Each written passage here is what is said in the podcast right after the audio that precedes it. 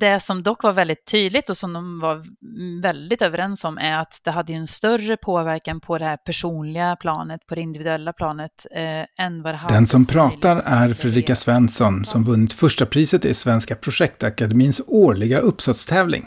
Hon beskriver i uppsatsen vad som händer i ett projekt när ledarskapet måste skötas på distans på grund av pandemin. Jag som har podden heter som vanligt Mattias Eibe och nu kör vi! Du lyssnar på Projektledarpodden. En podd för dig som gillar att leda projekt och vill lära dig mer av andra om projektledning. Fredrika Svensson tog tjänstledigt och läste magisterprogrammet i projektledning. Nu har hon vunnit första priset i Svenska Projektakademins årliga uppsatstävling. Grattis Fredrika och välkommen till Projektledarpodden! Tack så jättemycket! Känns superkul. Ja, och vad kul att du kunde vara med. Vad var ditt ämne för uppsatsen? Eh, jag skrev en uppsats eh, där jag fokuserade på hur ledarskap i projekt påverkas när man tvingas jobba distribuerat eh, och isär från varandra. Och då med tanke på corona och pandemirestriktioner.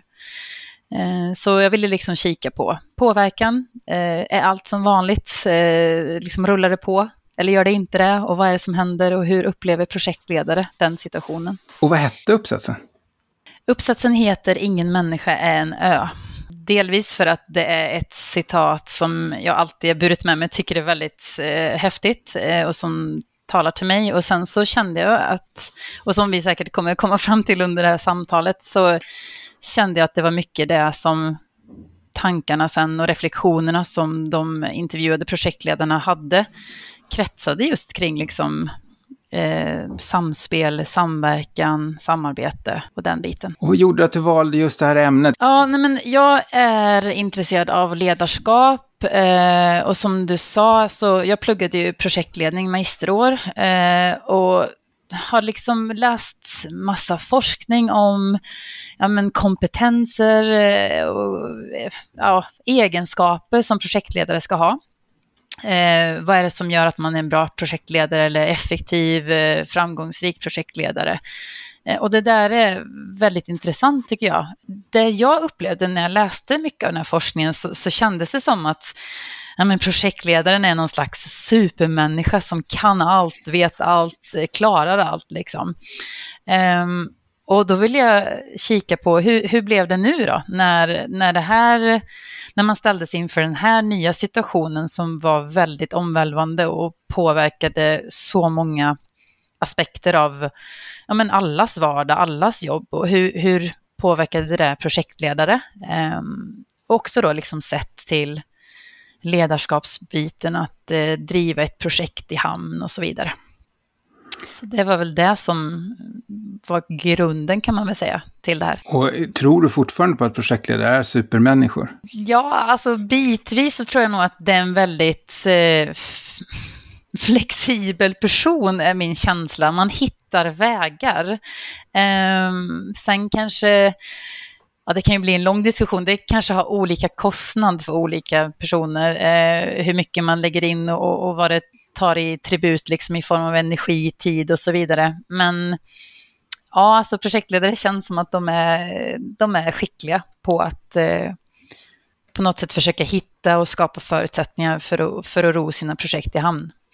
Och samtidigt så är det också en utmaning som jag har liksom fått känslan för under tiden jag pluggade och även efteråt, just det här med balansen mellan att Eh, man kanske då inte är chef och personalansvarig, men du har ju en grupp människor som du jobbar med och som du vill ska må bra och du vill stämma av och bana väg för deras framgång. Så att, är det är ett väldigt spännande område, måste jag säga.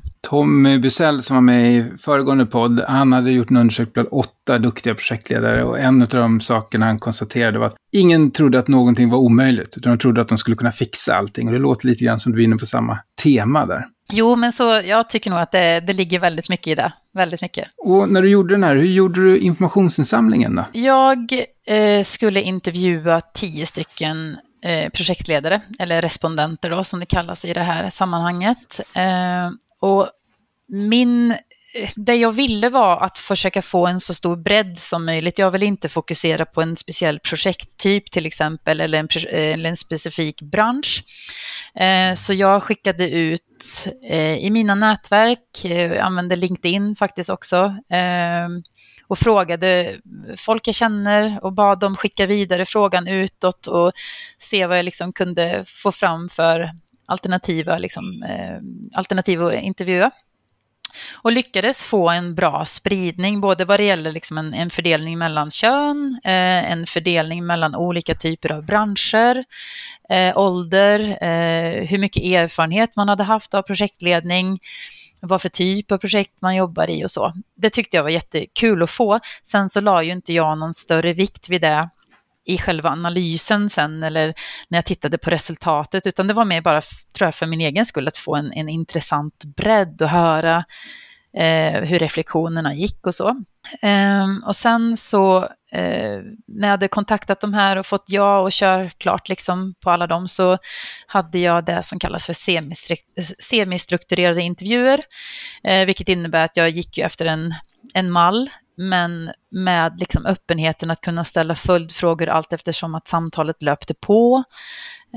Um, och sen var det ju en fantastisk eh, period med några veckor av transkribering då, när man ska liksom renskriva och, och få ner ordagrant vad mina intervjuade projektledare hade sagt. Um, och sen så följde en tematisk analys och då läser man ju igenom sitt material gång på gång på gång på gång för att se eh, om man hittar teman. Eh, vad är det de pratar om? Vad är det, de, vad är, vad är det liksom materialet faktiskt säger? Och så försöker man då skala ner det till en hanterbar mängd. Eh, och i det, mitt fall så blev det ju tre olika teman. Vilka frågor, typ av frågor ställde du till de här projektledarna? Jag ställde frågor kring upplevelse, eh, hur mycket och även påverkan. Har det liksom påverkat eh, ditt jobb? Eh, till viss del kanske känslostyrt kan det ju bli med tanke på att ja, det kommer ju fram sen att man känner ju väldigt mycket i, i koppling till det här. Eh, upplevelsen av att ha gått från att kanske ha jobbat eller har jobbat tillsammans på plats, på samma fysiska plats, till att sen sitta hemma. Jag frågade kring, känner du att ditt ledarskap eller sättet du leder projektet på påverkas? Eh, jag frågade fördelar, utmaningar i den nya situationen. Eh, så det var liksom det jag ville veta, hur de hade upplevt det. Och hur var din hypotes innan du hade intervjuerna då? Alltså jag, jag tänkte ju att på något sätt så och jag menar, det var ju att se till liksom hur resten av samhället hade påverkats. Det här, jag började ju skriva, nu ska jag se så jag säger rätt där, våren 2021, så det är ju lite mer än ett år sedan. Och då hade ju pandemin hållit på, inte riktigt ett år, men ungefär ett år så hade det hållit på. Och jag vet ju själv hur jag tänkte när pandemin började, så ja, men det här är väl slut om några månader och så blev några månader ett halvår och så blev det ju ännu längre. Och min uppfattning, eller min, min känsla var att det är klart att det måste ha påverkat på något sätt. Eh, och kriterierna som jag hade för de här projektledarna jag skulle intervjua, det, det missade jag att säga förut, men det var ju också att man skulle ha erfarenhet av att ha jobbat med projekt både innan och under pandemin så att man kunde jämföra däremellan. Att man skulle ha, liksom ha suttit på plats tillsammans innan och sen blivit då, vad ska man säga, tvingad att sitta separat hemma, eh, inte med, med liksom den fysiska närheten till varandra som på ett kontor. Hypotesen här du hade innan då, det var att de skulle bli påverkade, men hade du tänkt någonting på hur de skulle bli påverkade? Att det skulle bli sämre resultat, eller hade du formulerat det här för dig själv på något sätt? Ja, men alltså frågan var ju på vilket sätt i så fall. Eh, jag var nog ganska öppen för att det kan upplevas olika. Vi är ju olika som människor också såklart. Ehm, men sen hade jag också börjat kika på, för vi fick ju eh, i liksom utbildningen och vi hade en mer forskningsinriktad kurs innan vi startade magisteruppsatskursen och då får man ju börja titta på vad är möjlig teoretisk bakgrund eh, och använda sig av och jämföra och analysera ditt resultat utifrån. Um, och där så kollade jag ju mycket på, för det fanns ju heller inte, eftersom det var så pass nytt, så fanns det ju inte mycket forskning om hur Eh, covid-19, hela situationen hade påverkat just projektledare. Och det var ju ganska självklart att det inte funnits så mycket av den eftersom det hade varit så kort tid ändå. Ehm, så det var ju lite en utmaning. Det fanns lite forskning precis publicerad när jag började, men då tänker jag så här, men vad är det för andra områden som är applicerbara på det här? Och då var det ju bland annat forskning kring virtuella team. För att, att ha jobbat med projekt i virtuella team är ju inget nytt, det har man gjort jättelänge. Eh, och det sitter folk i olika delar av världen och, och jobbar med varandra. Eh, skillnaden är dock att då är man ju inställd på det. Eh, det var man ju inte här i den här situationen som jag ville titta på. Eh, men även liksom forskning kring virtuella, virtuella team hade ju konstaterat att till exempel Eh, när man startar ett projekt så kan det vara bra att man ses fysiskt och har någon slags kick-off. Eh, och att träffa varandra fysiskt skapar kanske mer förutsättning för att man förstår varandra. Och det finns massa andra, som jag tolkar det, liksom koder man kan läsa av när man ses fysiskt. Eh, så det var ju sån forskning jag tittade på, även ledarskap såklart. Och just projektledarskap, eh, vilka kompetenser man ska ha, egenskaper eh, och så. Vad blev resultatet då? Ja, men resultatet blev att jag landade i tre stycken teman eh, som jag valde att eh, kalla Fångadagen, Ingen människa är en ö och Förändringens vindar. Eh, det första temat, Fångadagen, handlar väldigt mycket om eh, att ja, eh, situationen fick en stor påverkan både på individnivå och på organisationsnivå och även sättet såklart som man arbetade på. Men det var positivt var att själva möjligheten att leverera projektresultat, den var, den var ju god. Alla hade ju en väldigt... De eh, var överens med varandra om att man faktiskt hade kunnat nå projektmål. Man hade kunnat leverera ett resultat.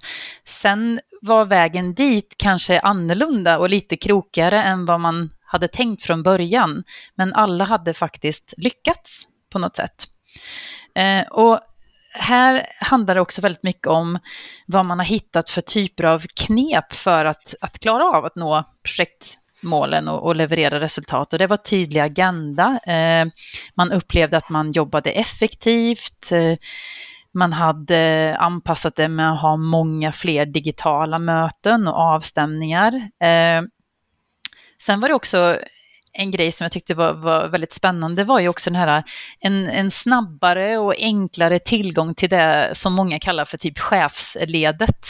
Eh, tidigare kanske i en större organisation hade det tagit månader att få ett avstämningsmöte med högste liksom, chef för ett beslut. Medan man nu när man sitter satt digitalt så kunde man typ ja, men, ringa upp på Zoom eller Teams och bara få det här avklarat på några minuter. Så det möjliggjorde en helt annan, det blev liksom en flexibilitet där som var väldigt intressant att många lyfte. Eh, sen så var det ju också så att många plockade in det här hur privatlivet hade påverkats. Eh, helt plötsligt så var det en hel del av de som till exempel satt i Stockholm som inte lade massa timmar på pendling.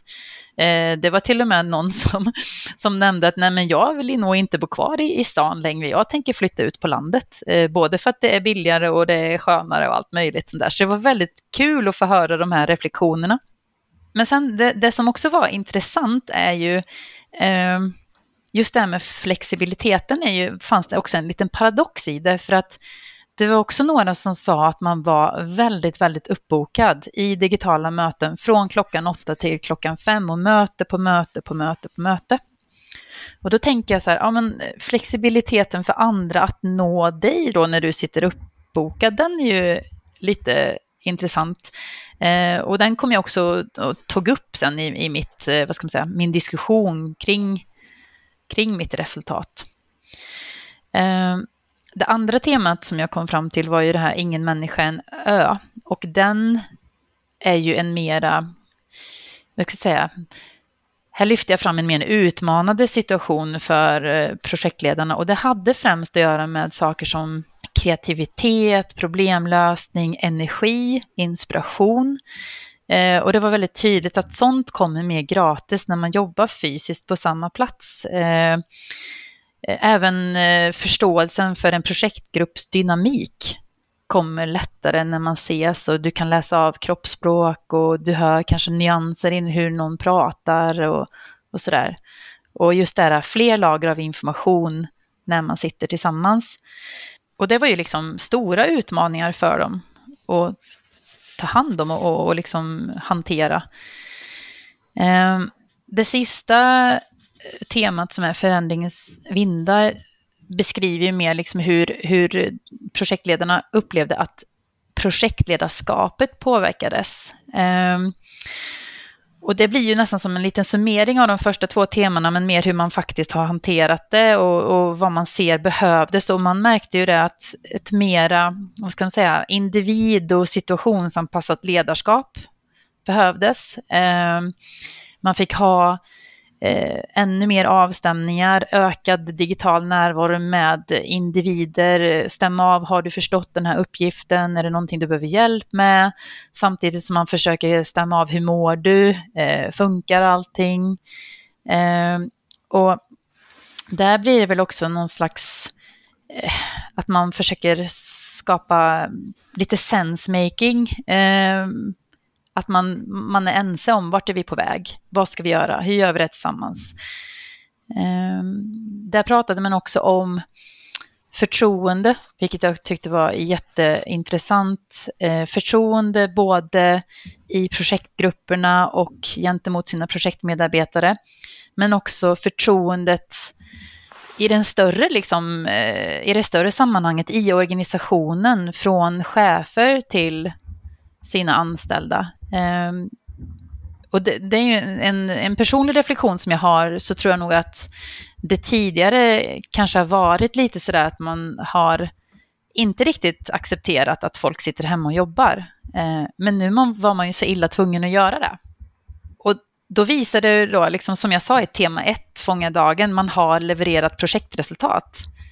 Och det där sprider ju positiva ringar på vattnet och förtroendet ökar att ja, men absolut, mina medarbetare eller mina anställda kan sitta hemma och det händer grejer. De sitter inte och, och gör något annat eller bygger på eh, liksom, altanen utanför och sådär. Så den var väldigt häftig att, att höra hur de upplevde att vad mycket det gör med förtroende. Så vad blev dina slutsatser då? Ja, men slutsatsen blev ju att eh, det här påtvingade distribuerade arbetet hade en väldigt stor påverkan. Eh, projektledarna som jag intervjuade upplevde ju att ja, det, det var väldigt mycket som ja, men förändrades eller behövde anpassas. Ehm, det som dock var väldigt tydligt och som de var väldigt överens om är att det hade en större påverkan på det här personliga planet, på det individuella planet, eh, än vad det hade på möjligheten att leverera projektresultat. Och reflektionerna kring den här eh, påverkan och förändringen, det är ju upplevelsen av effektivitet, flexibilitet, begränsad kreativitet, brist på närhet till kollegor, eh, och framförallt liksom ändrade och fler krav på ledarskapet och på projektledarskapet. Man eh, ser en, ett ökat liksom behov av avstämningar och ökat behov av förtydligande av roller, mål, eh, det som jag var inne på förut, sensemaking, att man, att man liksom mer pratar ihop sig tydligt, stämmer av, vart är vi på väg? Eh, och att det också handlar just om att eh, när man inte längre står och väntar på kaffet där i, i, liksom i fikarummet och snabbt hinner liksom stämma av några enkla små frågor, så då måste man ju skapa tid för de frågorna i det digitala rummet, man bokar möten för det. Eh, så det här var ju en stor, stor skillnad. Fördelarna som jag frågade om när jag intervjuade var ju helt klart liksom hur ja, men det fanns en positiv känsla kring att yes, jag klarar det, jag är effektiv, jag är flexibel, jag har sparat lite tid i mitt liv. Men till syvende och sist så handlar det väldigt mycket om ett samspel, ett samarbete och att man vill, man kommer långt med det här att ha det här tillsammanskänslan. Och det var också därför jag döpte till min uppsats till Ingen människa är en ö. För att vi, vi behöver sociala relationer och, och samarbete. Du sa det här med att boka möten för att ha en liten fikapaus tillsammans. Var det några andra tips och tricks som du kom på eller som de sa till dig? Som vi kan tipsa projektledarpoddens lyssnare?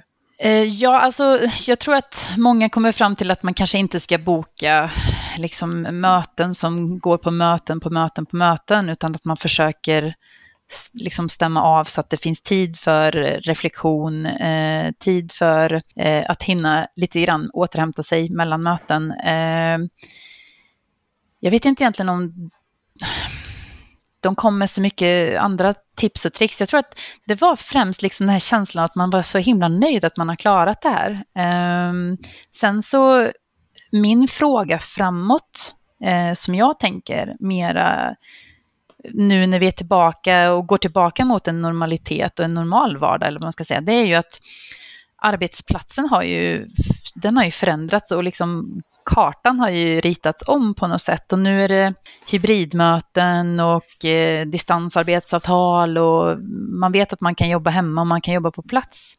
Eh, och där tycker jag att det kommer vara intressant, eller skulle vara väldigt intressant att utvärdera hur man upplever när det här kanske behovet av det kreativa, kollegiala, eh, när det kanske krockar med upplevd effektivitet, den känner jag är en superintressant eh, sak att liksom kolla vidare på. Eh, för att nu vet vi, yes, vi klarar av att jobba hemma, vi kommer leverera projektresultat, vi är effektiva. Men ja, vi saknar det här. Och så kommer vi tillbaka till kontoret och så får vi det kollegiala, vi får det kreativa, vi får problemlösningarna och vi kan rita på whiteboards och allt det här. Eh, den kombinationen blir ju spännande. Om någon skulle vilja forska mer på det, tänker jag. Finns det fler saker du tror att vi tar med oss eh, från det här när vi nu går in i en period utan epidemi? Eh, ja, alltså det, det jag nu kom jag faktiskt på ett tips som de pratar väldigt mycket om och det var ju det här med tydliga agender, tydliga mötesstrukturer. Ehm, det digitala mötet är ju mer effektivt och det är inte så mycket lullull och, och snack runt omkring utan man är väldigt konkret och det tror jag kan vara bra att ta med sig tillbaka eh, till det fysiska mötet och det kommer definitivt tror jag behövas för hybridmötet för att hybridmötet i min upplevelse är lite svårt när det börjar bli det här surret och man inte, om man sitter då hemifrån och ett gäng är på plats och då kan det vara lite svårt att höra det där eh, mellansnacket, utan där tror jag man behöver ta med sig det man lyckades med så bra under pandemin när man jobbade på varsitt håll. Just tydlig agenda, eh, hålla sig till, eh, till den det tror jag är viktigt. Kanonbra. Och är det någonting vi har glömt ta upp som vi borde ha pratat om? En utmaning som jag tror vi har fortsättningsvis om man ska jobba mycket virtuellt, det är just det här som flera av mina respondenter sa, det är det här, hur skapar man energi virtuellt? Ehm, det var det flera som kämpade med, eh, vet jag. Ehm, och, det, och den tycker jag också är viktig just att få det här energi i, mötet eh, och behålla det digitalt. Och hur gör man det då?